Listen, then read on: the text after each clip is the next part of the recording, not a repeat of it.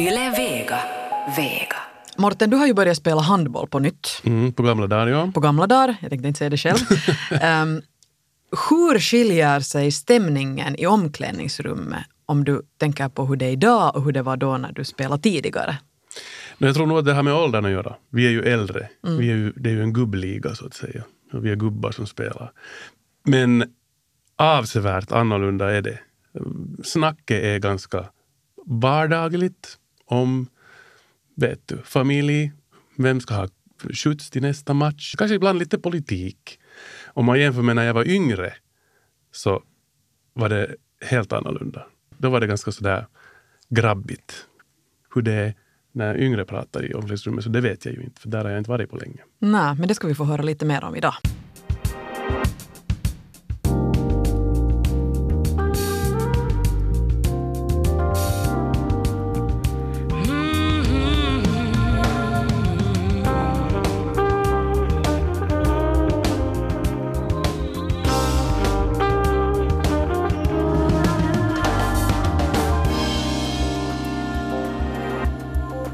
Ja, idag ska vi tala om att skapa en mjukare och mer genusmedveten stämning i omklädningsrummet. Gäst idag är fotbollsspelaren Sebastian Strandvall. Sebastian Strandvall är lagkapten i Vasan palloseura och han utmanar sig själv att bli en mer genusmedveten lagkapten. Att se över den här så kallade locker room talk. Det här kända locker room ja, kända, som, som Donald Trump sa det. Att se över den här i sitt eget fotbollslag och skapa en mjukare stämning i omklädningsrummet. Att helt enkelt granska eh, den här ofta just förekommande, den här grabbiga jargongen. Och med oss har vi ju alltid en expert och en coach och denna gång så är det Malin Gustafsson som har agerat coach. Hon är jämställdhetsexpert och, och vill göra osynliga företeelser synliga och helt enkelt göra oss mera medvetna i våra handlingar och mönster kring olika könsroller. Och hon har hjälpt Sebastian på, på traven och eh, ja, vi ska få veta nu hur samtalskulturen ser ut i omklädningsrummen. Får alla vara sig själva eller, eller blir det en roll där också. Mm. Nåja, för att komma in lite i stämningen så ska vi ta oss till en miljö som är mycket bekant för Sebastian. Kovassa iskussa tällä hetkellä. Että ei voi mitään. Narro puolustus. Tivilahti 82 minuutin kohdalla kahteen yhteen ja VPSlle täysi pistepotti ja kuvat kertoo kaiken. Tunnetta on. VPS nousi viime torstaina Jumbo-paikalta ja tuntuu siltä, että nyt sitä ei enää pysäytä kukaan. Kuusi ottelua, neljä voittoa, yksi tasapeli. Hjärtligt välkommen till Efter nio, Sebastian Strandvall. Tusen tack. Hur allmänt är det fortfarande med en sån här grabbig jargong i, i, i omklädningsrummet? Nu håller med lite om vad du sa, att, att det har nog förändrats här under årens lopp och, och det är inte alls på det sättet lika grabbigt mera, men samtidigt tycker jag att det är viktigt att man ändå fortsätter att lyfta upp de här frågorna så att, så att man kan bli ännu bättre och, och sprida, sprida den här goda snacket liksom över alla åldersgrupper, att ända från juniorer till seniorer och, och gamlingar. Mm. Mm. För, för den som inte alls förstår vad vi pratar om, när vi talar om det här locker room talk, så hur skulle du, hur skulle du beskriva det? No, Ja, jag tycker att det finns ganska många aspekter att se på. Att det, det kan också handla om, eller det kan delvis handla om, om att äldre spelare snackar i allt för hårda tongångar med, med yngre och hackar ner på dem och liksom mentalt bryter ner dem. Uh, sen kan det också vara att, att jargongen är allt liksom för, för grabbig om man pratar nedvärderande om, om kvinnor eller om, om homosexuella eller, eller mm. vad som helst. Att, att det är inte bara det är inte bara som en aspekt på det här hela, utan, utan det är ett ganska, ganska sådär brett ämne. Men, men um, överlag så har snacket och jargongen blivit mycket bättre under, åtminstone under min karriär. Hur kommer det sig att du valde en sån här utmaning åt dig själv? Uh, no, jag fick, fick frågan och jag tyckte att det var en bra grej. Att uh, även om uh, vi som sagt har gått mycket framåt så tycker jag att arbetet ändå är på hälft på något sätt. Och, liksom det i samhälle, samhälle överlag också. Att jag tycker att, att man kan spegla det ganska mycket till, till samhället i allmänhet, det här medvetenheten om, om jargonger och hur man pratar och, och så här. Så det, det är liksom inte bara inom fotis eller inom idrott utan också ja, inom hela samhället. Vad är Sebastian din, din roll som lagkapten? har du måste ingripa när det har förekommit sånt här? Jag kan inte komma på riktigt kanske sådär väldigt konkreta saker då man har hamnat och ingripa på det sättet, utan, men däremot kan man ju säga att rollen som lagkapten innebär att, att för att ett lag ska fungera så bra som möjligt så måste man ju få ut det bästa av alla. Och det, tyck, det är jag väldigt intresserad av att, att studera i sådana saker, att hur man får ut det mesta av en grupp och, och en enskild individ. Och för att man ska kunna prestera på topp så måste man ju vara trygg i den miljön som man arbetar i. Och, och där så försöker man väl så mer allmänt sprida en sån stämning i omklädningsrummet på träningarna, på, på resor och alltid du vet tillsammans att, att alla ska kunna få vara sig själva och, och på det sättet vara, var trygga i vardagen och där, därigenom då kunna prestera så bra som möjligt. Mm. Du har ju fått lite uppdrag av Malin Gustafsson som kommer in här om en liten stund. Och, och hon har gett dig lite vägkost under den, här, den här veckan. Och hon bad dig ju diskutera olika frågor i ditt lag med dina lagkamrater. Och vi ska lyssna på några snuttar som du har bandat. Och här, I det här första klippet så frågar du dina lagkompisar om, om just hur de ser på det här att ha det förändrats med åren eller inte. Vi ska lyssna. Kuuleeko paljon tuollaista paskapuhetta kentällä ja kopeissa? Mielestäni tuossa on ehkä tapahtunut tosi iso muutos kymmenen vuoden aikaa, että aikaisemmin huudettiin niin kuin aivan törkeästi. Niin että se, jos nykyään olisi samanlaista, niin kuin miten vanhemmat pelat esimerkiksi puhuisi nuoremmille, niin se on tosi paljon vähentynyt. Ja ehkä myös silläkin tavalla, että nuoret nykyään ottaa sen niin kuin tosi, tosi paljon raskaammin kuin ehkä aikaisemmin. Et aikaisemmin siihen oli pakko tottua, mutta nykyään he on kasvanut, ainakin tuntuu siltä, että ihan erilaiseen maailmaan kuin mihin me esimerkiksi. Niin.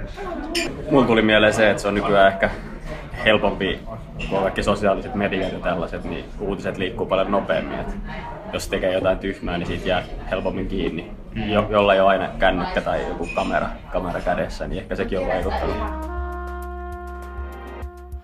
Ja, här konstaterar de alltså att de håller med om att det har förändrats mot det bättre. Att ännu för tio år sedan sa han ju att det kunde vara riktigt förolämpande grejer som sades. Uh, och dessutom det här med att uh, den här telefonen finns till hands. Allt går att filma och dokumentera, så det är inte, det är inte lika lätt att vara så att säga en buffel, utan man måste akta sig för att någon kan hålla ett öga på en. Hur, hur är det, håller du med om det här, vad han, vad han sa här? Att du har ju också en lång karriär redan, att det har förändrats mot det bättre. Ja, jag håller absolut med om det. Att, uh, sen att vad det, vad det beror på, att det, det är svårt att, att säga exakt, men, men jag tror nog att det, det som jag tidigare var inne på, att det handlar lite om det där att hur också samhället har utvecklat, utvecklats. Eh, det, det, är inte bara inom idrotten som de här frågorna tas upp och frågor om jämställdhet och, och så här. Att fotisen har levt med resten av samhället och på det sättet kan man vara delvis stolt över fotbolls det här communityn. Att vi har hängt med i utvecklingen, att det är inte som att vi skulle vara kvar på, på, på stenåldern, utan, utan det går mot bättre men man, man kan ändå bli ännu bättre. Mm. Mm. No, det är oerhört viktigt eftersom ni är så stora förebilder och fotboll är liksom någonting som engagerar så otroligt många. Så det är ju ett perfekt ställe att vara vara en föregångare inom någonting.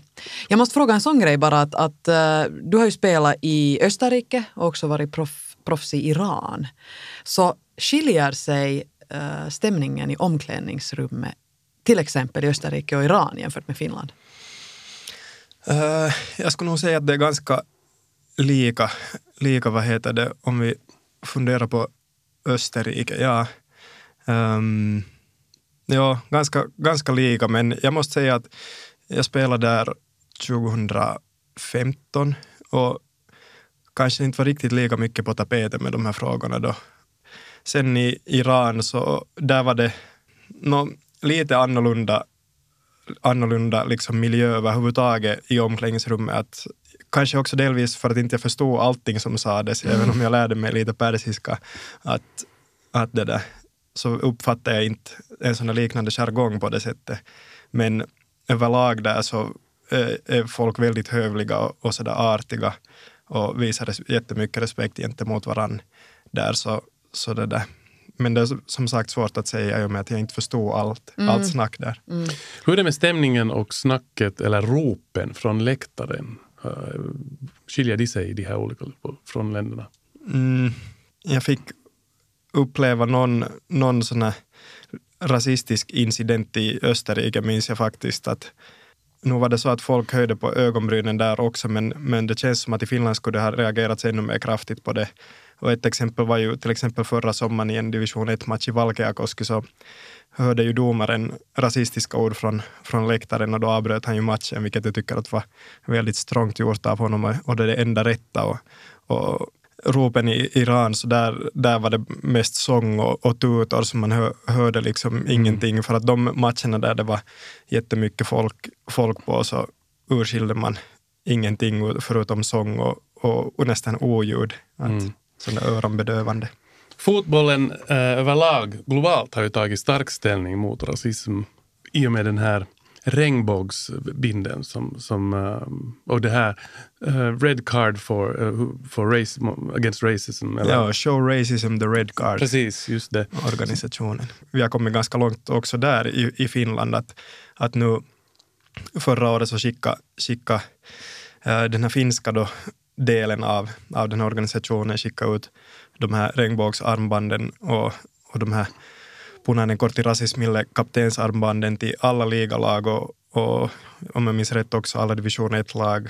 Vi är ganska goda förebilder där åt juniorerna i, i våra respektive föreningar. Att I VPS så gjorde vi så att innan Vasa Football Cup som är en väldigt stor uh, juniorturnering i Vasa så delade vi ut, eller jag fick vara med och dela ut åt, åt alla VPS juniorlagen, åt deras kaptener fick jag dela ut de här sådana likadana band och så, och så berättade jag lite om det här och, och berätta att hur viktigt det är att vi respekterar varandra oavsett bakgrund och, och så här. Och jag tror nog att det hade en inverkan på dem och, och att de kanske lite mer än innan åtminstone tänker på sådana saker. Mm. Det är superbra. Mm. Sebastian Strandvall, vi ska lyssna till ett till klipp som du har bandat under den här veckan, ett sånt dagboksklipp. Och här här fick ni i uppgift att göra ett sånt teflontest som ni hade fått av Malin Gustafsson. Ni skulle rangordna hur mycket eller, eller lite någon viss åsikt eller något visst påstående förekommer i laget. Vi ska höra. Okei, nu ska vi fylla i ett sånt här teflontest. Eli tehdään tällainen teflonitesti, täytetään se yhdessä sukupuoleen liittyviä tällaisia kommentteja tai katseita tai muuta. Että onko teille tullut sellaisia? Joku haukkuu sua niin kuin MX kentällä. Tällaista. En ole törmännyt. Ei haukuttu. Ainoastaan vitu homo. Niin. Se nyt on ihan bait. Sitten seuraava on seksuaalinen suuntautuminen. No tässä tuli jo Jerryltä. Se on sellainen juttu, sekin on ehkä vähentynyt, mä sanoisin. Ennen saattoi kuulla ai- paljon enemmän kentällä jotain just, että no just vitu homo tai jotain sellaista. Mutta jos vastataan tuohon, niin sanotaanko sitten, että se on usein vai joskus? Vai harvoin? Mä sanon, vai harvoin? Henkilö, mä sanoisin harvoin itse. Joo, ei sitä useasti kuule. Ei sitä nykyään niin, niin. Nykyään... Ehkä aikaisemmin, joo. Mm. Laitetaan harvoin nyt.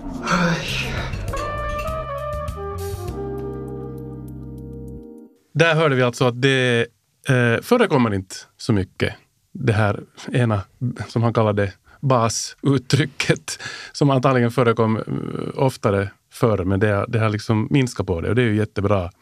Det som jag tänkte fråga Sebastian var att hur, hur reagerar överhuvudtaget de här, de här, dina killar när, när, du, när du började ställa sådana frågor och, och, du gjorde det här testet? Och, var det något, var här något som de har reflekterat över tidigare? No kanske det beror på att jag, att jag just råkar få ihop en sån grupp av, av vår, vårt lags spelare som kanske funderar lite mer än, än average på, på de här sakerna. Men, men jag tycker att, att det blev en jättebra diskussion. Att, att nu har vi hört två kortare klipp, men att vi, vi satt ju, satt ju över en, en timme tror jag och, och spelade in ganska mycket och funderade och, och pratade och det där. Um, de var nog väldigt öppna öppna till hela idén om det här. Och vi jobbar i VPS också så det är allmänt mycket om att, med att försöka vara bra människor också, med goda värderingar. Och vi tror att i slutändan, om, om vi alla strävar efter att vara goda människor så kan det också hjälpa oss att vara bra, bra fotare. Så, så det där, jag tror att det delvis har vi att tacka hela vår verksamhet på något sätt och vår dagliga engagemang eller vad man säger. Att eventuellt nu tack vare att vi hade den, de här utmaningarna som vi fick av Malin som vi skulle diskutera om så, så blir det förhoppnings, förhoppningsvis ännu mer prat om det här i mm. framtiden. Skulle du säga att det på läktaren också har gått mot det, det bättre om vi jämför med förr? Ja, det skulle jag nog säga. Att uh, de som fortfarande håller på med, om det finns fangrupper eller så här som håller på med sådana förolämpande eller nedvärderande chants och ramsor, så de blir nästan utskrattade mer nu och, och alla tycker att de är löjliga. Att, mm. att det är ingen som tycker på det sättet att det är tufft på något sätt. Utan, Vad bra. Mm. Mm. Som coach har du alltså då haft äh, jämställdhetsexperten Malin Gustafsson. Vill du Före vi tar in henne här i studion, berätta lite hur ni var i kontakt här under veckan och vad, vad hon gav dig för verktyg och medel, förutom det här teflontestet som vi just hörde. Mm, Malin skickade mig ett, ett jättebra och digert paket med, med de här frågorna och de här utmaningarna och där fanns bland annat ett videoklipp som vi tittade på tillsammans och, och, och just det här testet och så fanns det, fanns det också några sådana nyttiga länkar och, och, så det var ett ganska stort paket och, och vi fick ut av det så fick vi ett väldigt bra samtal med den här gruppen av lagkompisar. Vad, vad handlar den här videon om som ni, ni kollar på som kommer till Sverige? Um, I Sverige finns det en organisation som heter Locker Room Talk. Det är en sån här organisation som arbetar med att fara ut till juniorer, ungdomars omklädningsrum och diskutera och prata om de här frågorna. Liksom för att höja medvetenheten och, och förbättra snacket i omklädningsrummen. Och där i den här videon som vi såg så var det Jimmy Durmas, svensk landslagsspelare, som, som uh, berättade lite om... Jag tror att den här videon hette Stoppa skitsnacket och, och det var, det var liksom huvudtema med, med videon. Mm. Vi råkar faktiskt ha det här klippet så vi ska ta och lyssna på det här innan vi ber in jämställdhetsexperten Malin Gustafsson in och fortsätta diskussionen. Jag ska knulla din mamma, jävla bög, hora. Vet du hur mycket skitsnack man får höra bland killar i ett omklädningsrum? Det sitter liksom i väggarna. Men det stannar inte där. Snacket förvandlas till skeva värderingar som följer med killarna ut i livet och till slut drabbar det någon annan. Nu ska vi förändra det. Lockroom Talk åker runt till idrottsföreningar och pratar med killarna. 10-14-åringar som inte har fått uppfackade värderingar än. Så att de växer upp med schyssta attityder så att vi kan bryta ner påhittade regler och skapa en ny bild av vad manlighet är. Jag heter Jimmy Durmaz och jag stödjer Locker Room Talk. Hjälp oss att stoppa skitsnacket.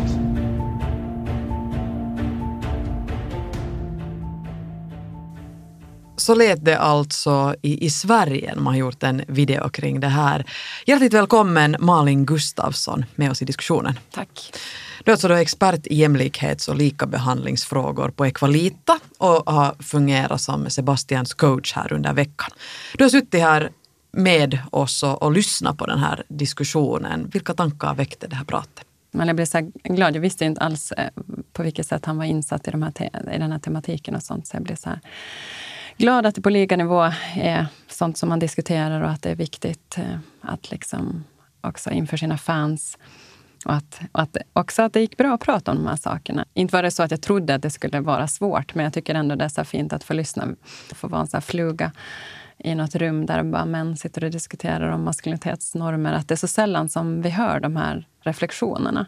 Jag skulle vilja fråga Sebastian också. Att, tror du att det har varit lättare att gå liksom via liksom rasismen också? För jag tänker just att om man skulle prata liksom på sätt och vis maskulinitetsnormer och det blir ju så lätt att man tänker så här, okej, okay, men vad är de där feminitetsnormerna? Eller att det blir på något sätt en så mot vad ska man säga, motsättningsdiskussion. Men att via rasismen så på något sätt är vi kanske alla delaktiga. Eller Tror du att, att det liksom är möjligt att prata också om, om liksom sexism och sånt, för att, eller homofobi, för att rasismen är på något sätt mindre laddad av att man inte känner sig attackerad för att vi alla på något sätt är vita? Eller vad, vad får du liksom för tankar? Mm, det här var ett, en väldigt intressant fråga för att eh, jag tror absolut att det har hjälpt till för att om man, om man kanske om man pratar om rasism och så där, så det um, ja, vad ska man säga? Jag, jag, tror att det kan vara en, en lätt, lättare sådär ingångsväg, ingångstunnel, att maskulinitets och, och feminitets och jämställdhetsfrågorna, så de, de kommer liksom kanske automatiskt där lite då vid sidan av. Och, och äh, rasism har väl på något sätt längre sett som det här allmänna problemet, men nu har de här jämställdhetsfrågorna också de senaste åren, tycker jag, mera kommit upp till ytan och då, då har de liksom fått komma med. att Uh, ja, väldigt intressant tanke. Jag tror att du är inne på någonting mm. där, att det kan vara lättare, en lättare sån väg in att gå. För jag tänker etniciteten kommer ju snabbare in i laget om man är ett manslag överhuvudtaget med etnicitet. Att hur maskulinitet ser också olika ut i olika kulturer. Och där vi till exempel, jag tänker om du var i Iran, till exempel att jag har goda vänner från Irak som nu är ett annat land, men i alla fall att att man kan säga habibi till sin, alltså älskling till sin bästa kompis och man kan vara ganska kramig. Och det finns liksom ingen sexualisering kring det. Och vad händer då när vi tar in män från andra kulturer i ett lag? Då blir det ju många olika typer av maskulinitetsnormer liksom, om vad är, vad är att vara norr, eller vad är att vara man. Mm. Tycker du att det har liksom, har, har, har, du tänkt reflektera över det? Att, Nej, inte egentligen direkt på de, de frågorna mer, mer än det än att, att just de här olika kulturerna, att jag ser det som en väldig rikedom att man att det ofta inom, också i Finland, alltså har vi väldigt internationella lag, att det nästan varje år så är det förstärkningar som kommer från, från andra länder och andra kulturer och det är alltid en, en rikedom att få se hur de fungerar och så här. Och, och det, det överlag är ju en, en ja, ett mervärde på något sätt, eller som en, det är en enorm rikedom att få lära känna folk från olika ställen för att man, ja, man får se hur de tycker och tänker där och, och det där. Mm. Hur, hur internationellt är VPS för tillfället? No, just nu så är vi väl inte så väldigt internationella. Vi har väl, ja, kan vi ha kanske fyra, fyra, fem utländska spelare. Men däremot förra året så hade vi säkert halva, halva laget. Att för, förra året var vi väldigt internationella. Att en, en jamaican, en från Trinidad Tobago, uh, två senegaleser, en från Kongo, ja, en massa. Jag, kom, kom, jag glömmer säkert bort någon. T två estländare. Gud vad intressant. Mm, alltså, ja. mm, så att man, man blir på det sättet van också. För att det, varje år så kommer det eller vissa blir ju kvar längre förstås, det är ju inte så att alla byts ut hela tiden, men att, men att nästan varje år så får man lära känna mer eller mindre en, en ny slags kultur. Mm. Har, det, har det skett någon slags kulturkrockar eh, med utländska spelare? Jag tänker just på vi diskuterade här innan lite just sånt här med, med bastukvällar och, och vissa sätt att, att spendera tid tillsammans och, och kanske liksom fira med alkohol eller göra någonting annat. Finns det några sådana exempel? Ja, det som är tacksamt inom idrott uh, är ju förstås det att, att den där idrotten knyter alla samman på det sättet att där är ju reglerna samma för alla. Uh, men sen just är det ju nog lite annorlunda också än vad det var förr för att för till exempel ja, tio år sedan så då var inte lika mycket utländska förstärkningar och just om man pratar om bastukvällar så förstås har deras bastukvällarnas mm, traditioner på det sättet ändrats. Att, att förr var det mycket enklare att ha de här, de här gemensamma kvällarna där man försöker bilda en bättre sammanhållning och så här. Då, då gick man och, och basta och satte en korg öl liksom på, på bordet och, och that's it. Men att det, det är ju inte så där uh, inte det är så väldigt roligt för alla mm. nu, nu för tiden. Det att just i och med att man kommer från olika kulturer. Och nu för tiden är det mera vanligt att unga spelarna, de dricker inte, de är som absolutister. Helt inte av några religiösa orsaker eller sånt, utan annars bara. Och, och det, det, gör att den här, de här naturen på bastukvällarna har, har förändrats. Och, mm. Bra så kanske. Jag kan tänka mig att den som inte drack för 15 år sedan nog blev utskrattad eller mm. hånad. Mm.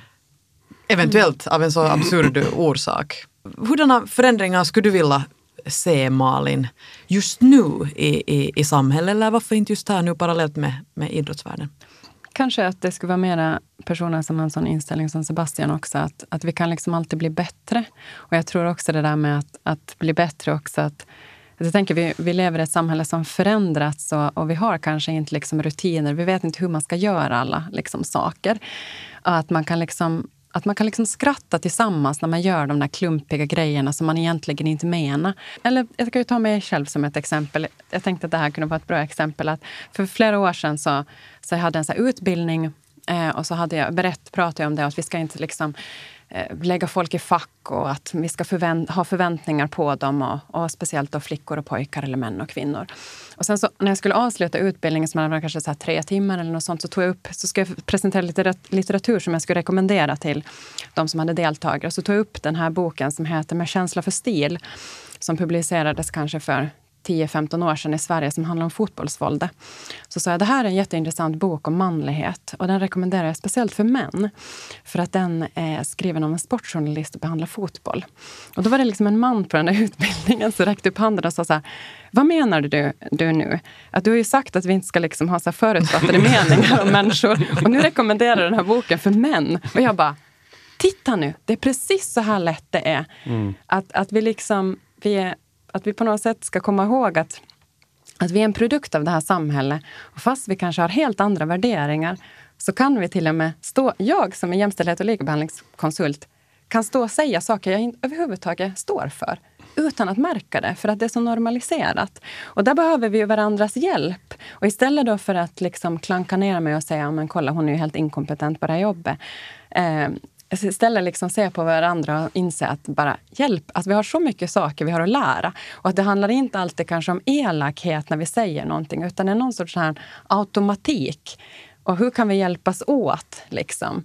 När, att jag kan säga till Sonja att bara, hej, men hur tänkte du nu? Att det var ju det som den där mannen där på den här utbildningen sa. Hur tänkte du nu Malin? Jag bara, mm. nej jag tänkte inte. Och det är det här som vår kultur är också. Mm. Att vi inte alltid tänker och för att kunna tänka om behöver någon uppmärksamma det. Och då istället att kunna skratta tillsammans, att jag kan bjuda på det och ni kan skratta med mig, så att säga. Och att ni inte skrattar åt mig att jag är nu en så här, eh, liksom har en fyrkantig bild av hur män ska vara.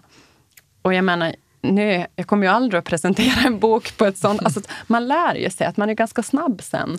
När man liksom har fått, fått de där liksom platsen där man ser att man har blinda fläckar. Mm. Så jag tänker också någon sorts här ödmjukhet att jo, att vi har mycket att lära, men också att hur kan vi misslyckas tillsammans och skratta skratta åt det på något mm. sätt. Och vi vill ju att människor ska känna sig trygga och vi kan inte bara bestämma oss utan vi behöver liksom öva. På samma sätt som man måste öva fotboll om det kommer nya tricks så måste man liksom öva in det. Det räcker inte bara att man vet vad det är man ska göra utan man måste liksom öva in det så det sitter i kroppen. Och samma sätt tror jag med de här grejerna också, att det sitter liksom i i, i den här halsen, så man inte, de här grodorna liksom ramlar ut. Eh, mm. och att vi tillsammans på något sätt kan fnissa, fnissa åt det och bara Åh, nu blev det Nu sa jag nog inte riktigt det jag står för. Mm. Nej, humor är ju en, en eh, humor, humor är ju ett bra grepp, mm. definitivt. Men utöver det just att man själv är medveten om vad man gör så är väl också just det där som du nu lite nämnde också, det här att reagera när någonting sker som inte är liksom helt mm. okej. Okay. Men just om man inte vet hur man ska liksom tackla det med humor så, så är det inte kanske alltid så jättelätt heller. Liksom, vet inte hur man ska riktigt platsa in där i en, en sån diskussion. Jag vet inte, vad tänker ni? Nej, jag vet inte riktigt heller, men, men jag tycker just att det är viktigt att man kommer från det där skuldbeläggande på det sättet. Och, och just som du Malin säger, att man har en mer sådär positiv gemensam grej och, och se på någonting. För att nu innerst inne så vill ju alla vara på något sätt goda människor. Det är ju inte så att man försöker vara en idiot hela tiden. Så där, utan i regel försöker man ju vara mera en god människa. Och då, då liksom ska man inte, om någon gör ett misstag så behöver man inte lägga som en våldsam skuld på den personen, utan försöka ta med, med den istället och på ett positivt sätt försöka föra diskussionen framåt. Sebastian Strandvall, har du eh, i och med den här utmaningsveckan, har du, eh, har du kommit till någon insikt? Och hur, hur kommer ni att, eh, eller du, att arbeta vidare? vi kom tillsammans med mina lagkompisar på det sättet till den insikten att det, vi liksom fattade då vi pratade om det, eller efter vi hade pratat om det, Eh, så kom vi fram till att, att det, det gör gott och det, det är viktigt att vi tar upp sådana saker för, för ja, det, mycket olika personligheter kommer in i ett lag och alla ska känna sig välkomna och trygga. Så att det, det är viktigt överhuvudtaget att vi pratar om det här. Sen funderar vi också på saker vi kan göra inom hela VPS som förening eller hela fotbollscommunityn i Finland. Eller så här, att en tanke var att, att vi skulle dela upp oss i par eller små grupper och gå eller åka ut till de här juniorlagen och prata om de här sakerna också. Lite likt det här Locker Room Talk-organisationen i Sverige, att de som har rest runt i olika omklädningsrum och lyft upp de här frågorna, att det skulle vi kunna göra bara inom vår förening på det sättet att det skulle kunna Woho! oh, så det här har lett till någonting som fortsätter. Mm. Det låter jättebra.